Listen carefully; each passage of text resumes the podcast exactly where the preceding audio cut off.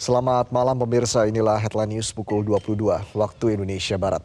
Sekjen PKS Abu Bakar Al-Habsyi menyebut penggunaan hak angket di DPR lebih baik untuk penyelidikan kecurangan pada pemilu 2024 dari para penggugat ke Mahkamah Konstitusi.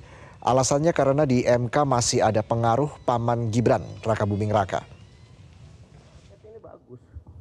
Daripada kita ke MK, ada pamannya. Lebih baik kita ke angket. Cantik, ya kan? Angket kita udah pengalaman kok indah kerjanya, panjang waktunya, dan kemampuan. Dan katanya gede juga honor. Uh, itu biasa kalau di DPR banyak banyak kelebihan nih bab itu. Ya. Jadi gitu. Jadi cukup kuat sekali. Tinggal kita tunggu lokomotifnya. Ya. Bangsa ini lagi butuh suasana aura keberanian untuk membenahi situasi yang ada saat ini. Apa? bola liar. Bola liar? Liarnya di mana liar? itu bukan liar, itu adalah cara terbaik dalam konstitusi. Ya nggak ada yang liar.